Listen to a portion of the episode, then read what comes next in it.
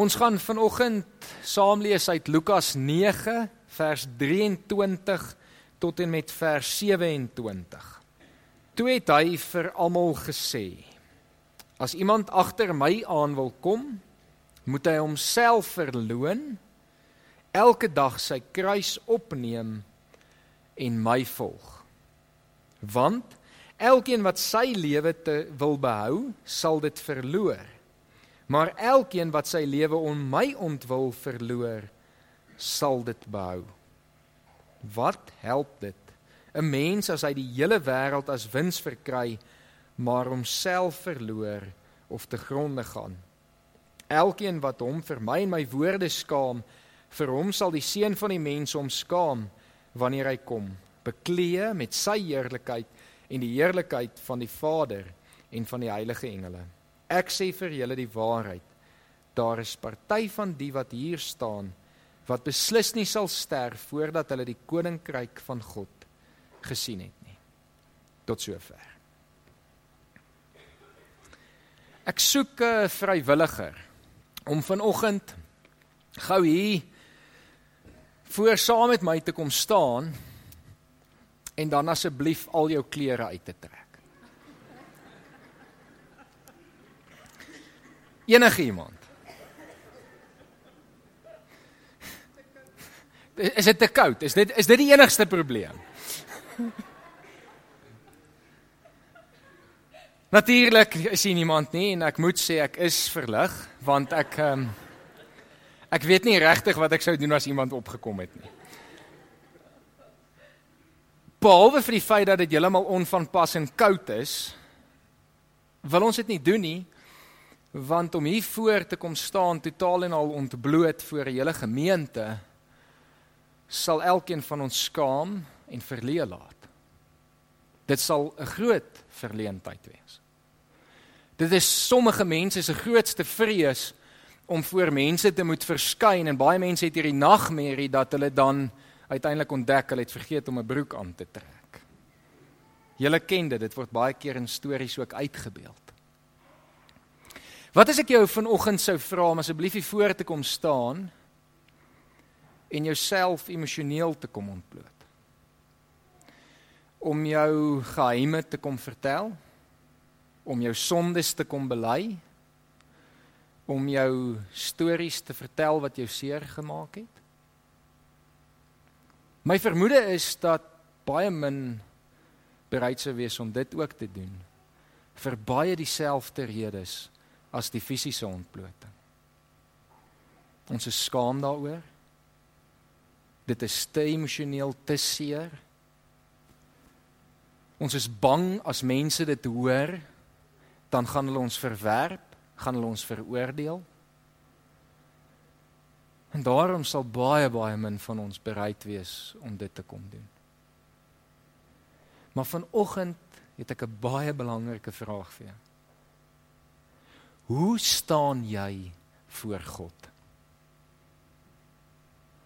Hoe staan jy vanoggend voor God? Baie van ons het nog klere aan.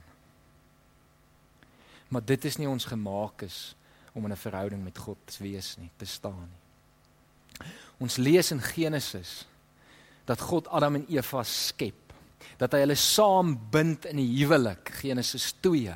En dan lees ons wanneer hulle as man en vrou so voor God verskyn dat hulle kaal was, maar nie skaam nie. Ongelooflik interessante vers. Hulle was kaal, maar nie skaam nie. daarmee sê ek nie ons gaan nou begin huwelike naak doen nie, so ontspan. Uh, julle kan rustig wees.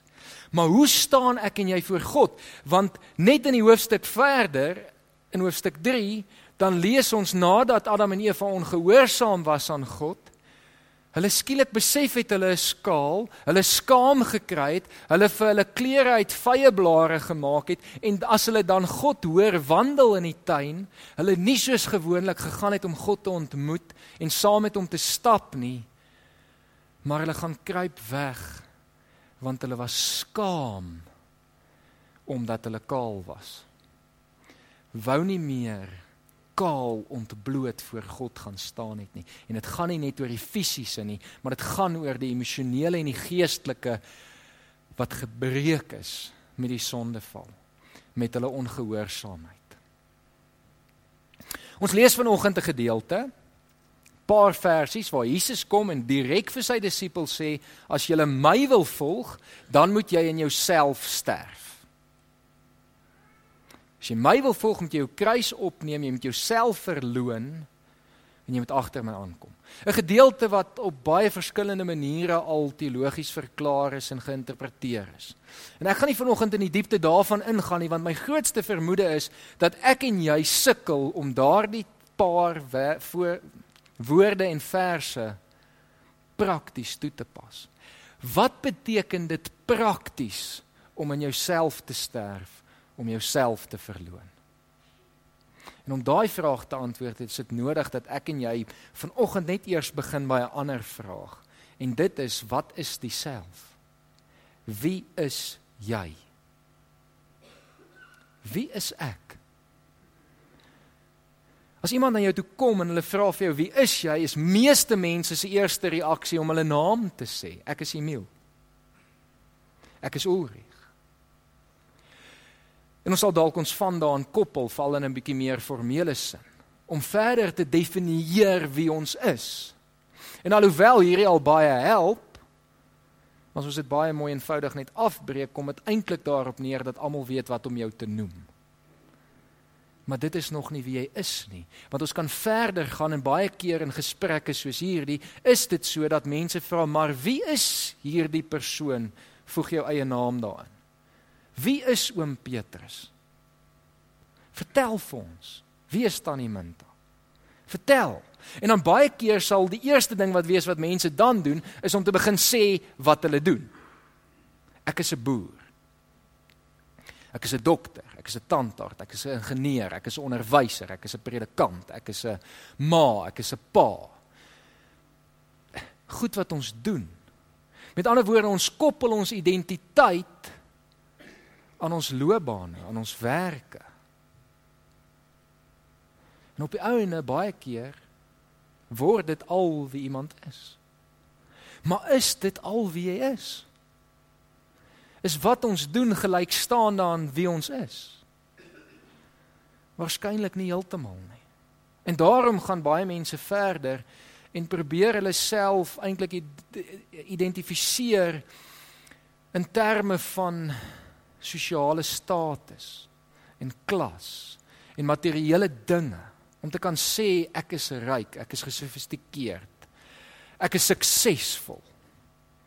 En ons dryf iets binne in ons dryf dit sodat ons op die ouene hierdie identiteit vir mense kan voorhou. Om hier te kan staan en te sê dis wie ek is. Kyk nou. En ons koppel baie dinge daaraan aan hierdie identiteit. Maar omtrent alle mense wat dit in hulle lewe nagejaag het, sal vir jou sê op die ou einde kom dit tot niks. Dit is leeg. Partykeer probeer ons onsself identifiseer in terme van verhoudings en ek dink partykeer kom ons dan 'n klein bietjie nader al aan wie ons is in terme van ek is 'n man en 'n vrou. Ek is 'n pa en 'n ma, ek is 'n dogter en 'n kind, 'n broer en 'n suster, ek is 'n vriend. Maar ook dit kom nog nie by die binneste van wie jy is uit. Baie keer spring mense om hulle self dan te identifiseer met die omgewing waar hulle is, die agtergrond van waar hulle vandaan kom. Om te kan sê ek is blank, ek is Afrikaner, ek is 'n Suid-Afrikaner. Ek praat Afrikaans. Dan beskryf ons die omgewing rondom ons, maar dis nog steeds nie wie ons is nie. Die naaste wat ek dink meeste mense kom om regtig te sê wie hulle is, is mense wat begin beskryf om te sê ek is sagmoedig, ek is vriendelik. Ek is 'n mensemens. Ek hou van sosialiseer. Te sê ek hou van die natuur, bietjie meer goeters wat persoonlik begin raak. Maar ek het nog nêrens in my lewe iemand ontmoet wat daarmee saam sê, weet jy, ek is nogal 'n moeilike mens. Ek's hardkoppig. Ek skort van draad ensovoorts nie. Met ander woorde, wanneer ons dit sê, identifiseer ons net met die mooi eienskappe. Met ander woorde, ons nog steeds 'n gedeelte wat ons weghou van wie ons is. Wie is jy? En is jy bereid om vanoggend nie noodwendig teenoor ons nie, maar teenoor God te kom staan en jouself heeltemal te kon ontbloot en te kom sê Here, hierdie is wie ek is. En dalk weet jy self nie eers presies wat dit is nie. Maar kom net dan in die simboliek, moet dit nie eers verwoord nie. Kom sê net vir die Here, Here, hier is ek.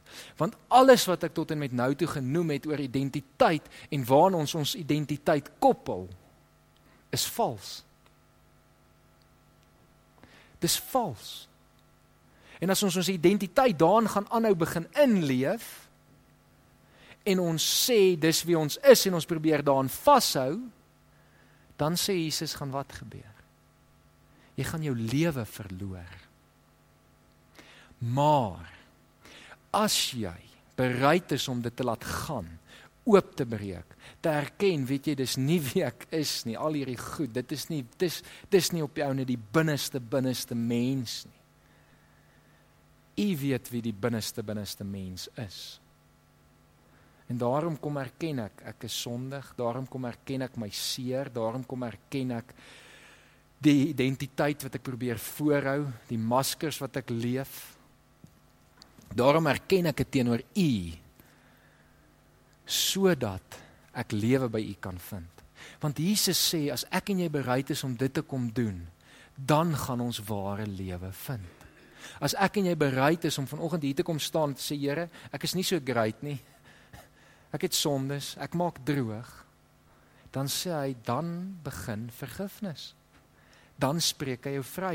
Dan kan hy met jou begin werk. Dan kan hy daai goed wat jou eet, die sondes wat jou vasvang, kan hy begin wegvat en uit jou lewe uitkry. Maar ek en jy moet eers ontbloot. Ons moet eers dit kom neersit, kom uittrek en vir die Here kom gee. Dieselfde geld vir die seer in ons lewens. Ons almal het ergens seer gekry, party baie erger as ander. Bring daai seer vanoggend na die Here toe. Laat hom toe om dit te begin genees. Want solank jy dit te front voor en vir mense probeer wys, ag ek is okay, en ek is vriendelik en ag weet jy ek gaan maar aan. En veral as jy teenoor God doen, gee nie God die ruimte om te kom sê, laat ek jou vertroos. Kom ek vir jou trane af nie. Ek en jy het nodig om onsself te ontbloot en te sê Here, hier het my so seer gemaak. Ek voel so so sleg hieroor. Ek is so hartseer hieroor. Ek is so kwaad hieroor. Ek is ontstel hieroor. Deel die emosie met God want dit kom nader aan wie jy is. Ontbloot jouself voor God. En sterf dan al hierdie ander valshede af. En vir ons is dit baie keer moeilik want dit is moeilik om my loopbaan te laat gaan. Dis moeilik om my kultuur so bietjie tweede toe te skuif. Dis moeilik baie keer en hoor hierdie kritiese ongelooflike moeilike gedeelte. Jy kan nie vir jou ma of pa, jou kind, jou man of vrou liewer wees as vir die Here nie. Want dan koppel en definieer jy nog jouself meer met daardie verhoudings as met hom. Op die ou einde is al al al wat kan oorbly. Dat jy jouself kan definieer as ek is 'n kind van God. Ek is 'n Christen. En niks anders maak saak nie. Ek gaan nie eers begin om myself met iets anders te identifiseer, te vergelyk, te probeer verklaar nie. Dis al wat oor is. Dit is al wat moet oorbly. So kaal en naak moet ons voor God begin staan. Dat ons ons lewe weggee om die lewe wat hy vir ons wil gee te kry. En glo my, daar is 'n lewe, 'n baie beter een. Ons lees soveel keer in die Bybel van mense wat op hierdie punt gekom het, hierdie ontmoeting met God gehad het en wat gebeur? In meeste van die gevalle is die eerste ding wat God doen is, hy verander hulle naam. Hy verander die basiese ding wat ek en jy ons identiteit aankommel. Die eerste ding wat by ons opkom wanneer iemand vir jou vra wie is jy, verander God wanneer jy met hom 'n ontmoeting het. Is baie keer nie 'n groot verandering nie, is baie keer van Saulus na Paulus of van Abraham na Abraham toe. Maar daai klein veranderingkie is so kosbaar want dit is 'n teken van die verandering wat in jou lewe gebeur het. 'n Teken van iets wat nuut begin. 'n Nuwe identiteit wat leef. Een van die mooiste voorbeelde dink ek wat ons hiervan kry in die Bybel is van Dawid. Dawid wat as ons nou mooi gaan kyk na sy identiteit, 'n lys sondes gehad het, 'n lys goed gehad het wat hy droog gemaak het, 'n lys goed waar hy seer gekry het. En dan lees ons in hierdie een gebeurtenis raak dat hy gekom het en kaal voor God gedans het. Kaal voor God gedans het.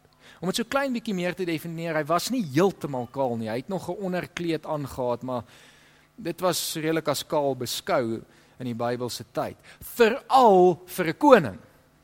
Want Dawid is koning wanneer hy hierdie doen. Hoekom doen hy dit? Want hy het sy koningskleed uitgetrek en besef ek kan nie langer aan die identiteit van koning vashou as ek die enigste ware koning wil aanbid nie. En daarom trek hy dit uit. Daarom verneder hy homself so erg dat sy vrou vir hom kom sê, "Jy dan geen skaamte nie." Hoor julle daai? Skaamte terug na Genesis toe. Ek en jy moet ophou skaam wees. Want ek en jy hoef nie skaam te wees nie. Nou en julle ek hoop regtig vanoggend as jy hierdie gaan hoor, gaan iets in jou lewe gebeur en die Here gaan jou net kom aanraak. Julle ken hierdie beeld. Julle ken daai beeld. sien dit oral. Daar's standbeeldjies, skilderye. Hier is maar een skildery van Jesus wat aan die kruis hang met hierdie kleed. Ons net een probleem. Dis nie die volle waarheid nie. Dis nie die volle waarheid nie, want as ons mooi gaan lees, het Romeine nie mense so gekruisig nie. Romeine het mense kaal gekruisig. Jesus het kaal gesterf. Totaal en al ontbloot sodat hy vernederd moes wees sodat hy skaam moes kry sodat ek en jy nie meer hoef nie. Hy het vir ons die voorbeeld gewys van wat dit beteken om in jouself te sterf, om kaal te gaan staan sodat ek en jy lewe daarin kan vind.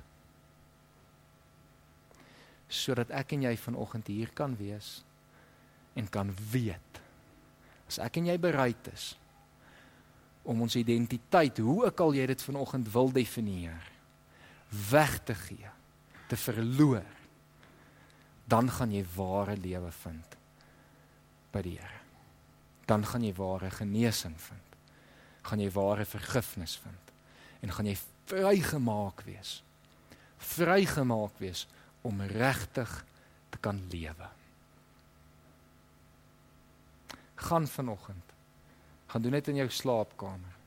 Trek jouself fisies emosioneel, geestelik uit.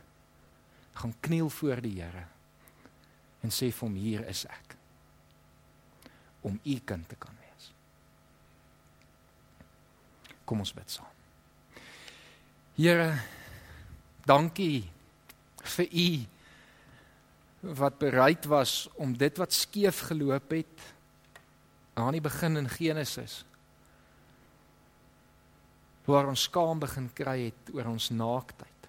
En waar ons begin het om laag op laag aan te trek fisies en emosioneel en geestelik. Here dat U bereid was om dit alles te kom wegvat. vir ons 'n voorbeeld te stel. Self kaal te sterf sodat ons kan weet dit is die pad na verlossing. Dit is die pad na redding en na genesing.